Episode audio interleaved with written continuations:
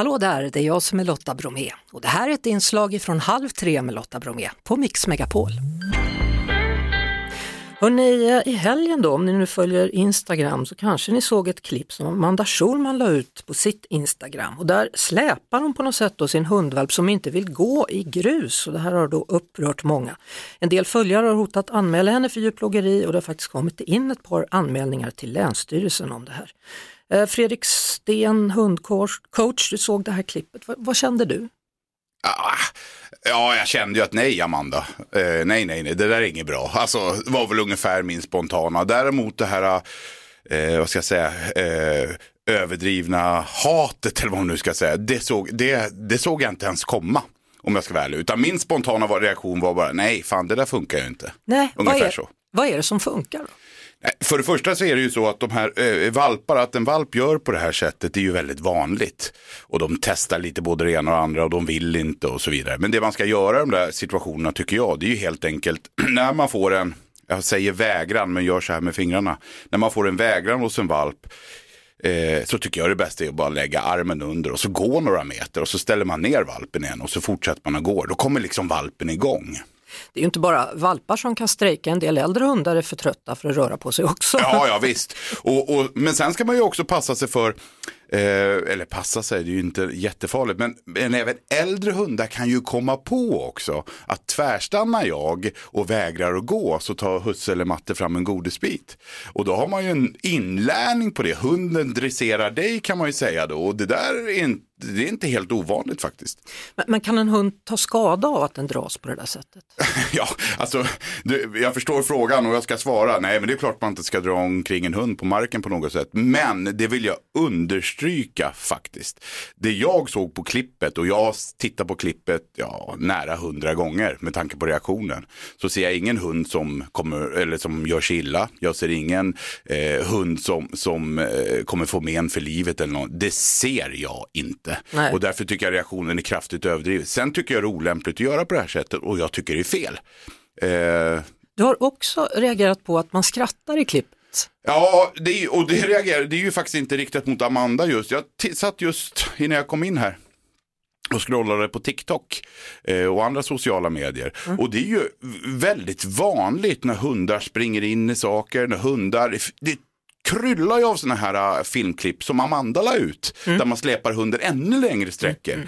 Och där det bara, man skrattar och skriver roliga kommentarer och så vidare. Det där gör ju lite ont i mig. Det har det alltid gjort. Varför gör det det? Känner, känner du att de blir mobbade? Eller Nej, men jag, jag, tycker väl att det är väl så här då att jag som hundexpert, vilket jag faktiskt är då, även fast det låter jävligt kaxigt att säga så, men jag ser ju något annat bakom det här roliga. Hundar som kanar på rumpan, ja men jag ser ju en hund som har problem med, med analsäckarna exempelvis. Hundar som jagar sin svans. Jag ser en hund som har problem med en, en, en, en manisk stress. Mm. Alltså, det är ju det jag ser och det är klart, då blir jag, då blir jag lite så här ledsen när, när, när man håller på Jävlar, förlåt.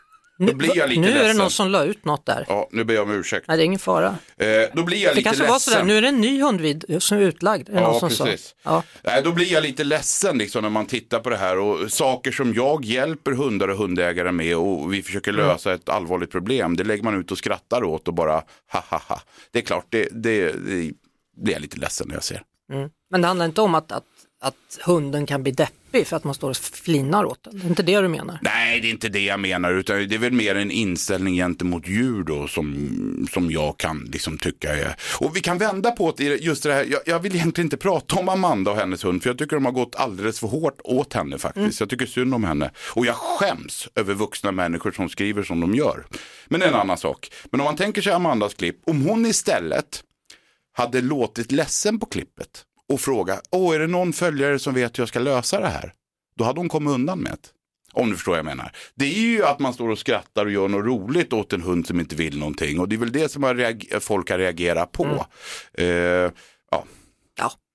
ja. Det, det är som det du, när man skaffar en hund mm. så är det ju mycket man vill lära den. Men hur mycket kan en valp ta in? Eh, ja, en valp kan inte ta in så himla mycket. Men däremot brukar jag säga så här att ju tidigare man tränar en valp, börjar träna en valp och försöker lära en valp saker, desto lättare är det att få valpen kommunikativ. Och vi säger då, vi säger att vi leker med tanken att jag ska träna en hund till att bli polishund säger vi. Då spelar det ingen roll på slutresultatet om jag börjar träna den hunden när den är 14 månader eller om jag börjar när den är 8 veckor. Slutresultatet kommer bli lika bra ändå.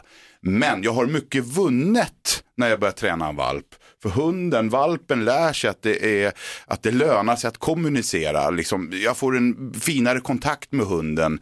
Eh, man får en bättre relation med hunden och så vidare. Mm. Eh, så jag brukar säga så här, lär dem så mycket du kan och gärna onödiga saker på så sätt att det inte gör något om det blir fel. Så, så du menar att det är okej okay att lära en hund vacker tass innan man har lärt den att gå koppel? Ja, jag tycker till och med att man kanske ska göra så.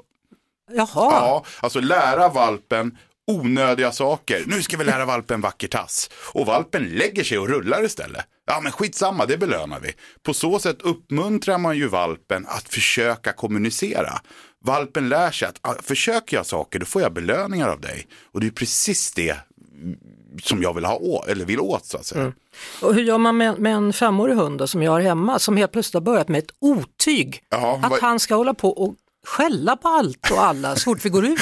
Ja. ja. ja och ibland lite... är det inte ens någon där och han skäller. Ja, okej. Okay. Ja. Mm.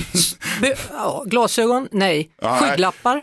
Lite svårt, jag, jag, nu tog du mig lite på Det är lite mm. svårt att svara på. Det är lite på varför eller hur hunden skäller. Om det är rädsleskall eller ja, Det är det man inte riktigt har koll på. Nej, Nej. Ja, då får man jag titta återkommer. På det. Ja, åt, filma. ska filma, filma, ja. filmar och återkommer. Mm.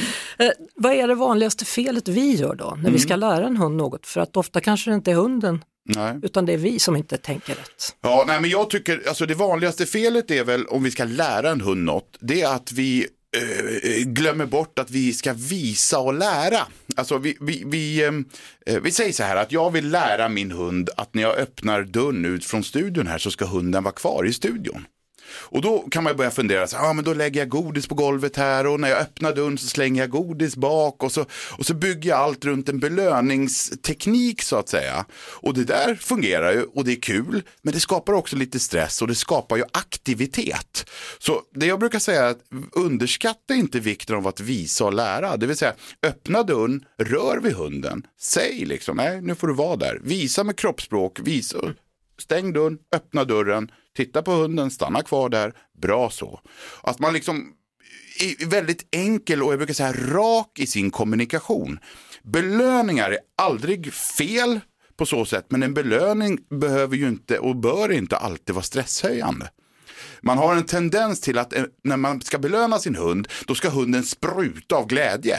Och det blir ju ofta negativt faktiskt skulle jag vilja säga. Så ta det lite piano. Underskatta inte din mimik, underskatta inte att du rör vid hunden, underskatta inte att visa vad du vill. Det är en väldigt, väldigt effektiv och, och, och härlig träningsteknik tycker jag. Mm. Du är hunddressör. Det är ja. också en, en, annan titel på ja, dig. Ja. Stämmer det att du har en hund hemma nu som, på, som ska bli en läxhjälpshund? Ja. Och, Hur ska det gå till? Nej, men alltså det, det är inget unikt i sig. Det, vi, vi pratade här utanför vill jag på så inte ja. folk tror att jag är tokig nu. Nej, men alltså läxläsningshundar finns. Mm. Och de finns ju av, kan man säga då, flera skäl. Men dels då för att ett barn ska kunna läsa högt exempelvis inför en hund istället för att konfronteras av klassen då exempelvis. Det är lättare för ett barn att läsa inför en hund som inte sitter och gör grimaser och, och så vidare. Det är det ena. Och det andra är att hunden ska finnas med under studietiden då, och som ett stöd och en lugnande effekt. Jag älskar det. Ja, det är jättefint och det Så. ger en sån enorm enorm, eh, alltså, eh, jag visste att det var bra, men så här bra visste jag inte att det funkar om jag ska vara riktigt ärlig. Härligt. Det som var lite unikt med min hund då. Ja, det är att den läser själv. Ja, det, dels är den chefer och sen så, så skyddsutbildar vi ju henne också parallellt. Mm. Så mhm. det tror jag är hyfsat unik. Alltså läxläsningshund och skyddsutbildad. Och de ska vi inte koppla ihop på något sätt utan det är två spår bara. Hundar kan. Hundar kan. Tack så mycket för att du kom ja. hit Fredrik Sting. Stort tack. Vi hörs såklart på Mix Megapol varje eftermiddag vid halv tre. Ett poddtips från Podplay. I fallen jag aldrig glömmer djupdyker Hasse Aro i arbetet bakom några av Sveriges mest uppseendeväckande brottsutredningar. Går vi in med hemlig telefonavlyssning och, och då upplever vi att vi får en total förändring av hans beteende. Vad är det som händer nu? Vem är det som läcker? Och så säger han att jag är kriminell, jag har varit kriminell i hela mitt liv men att mörda ett barn, där går min gräns. Nya säsongen av Fallen jag aldrig glömmer på Podplay.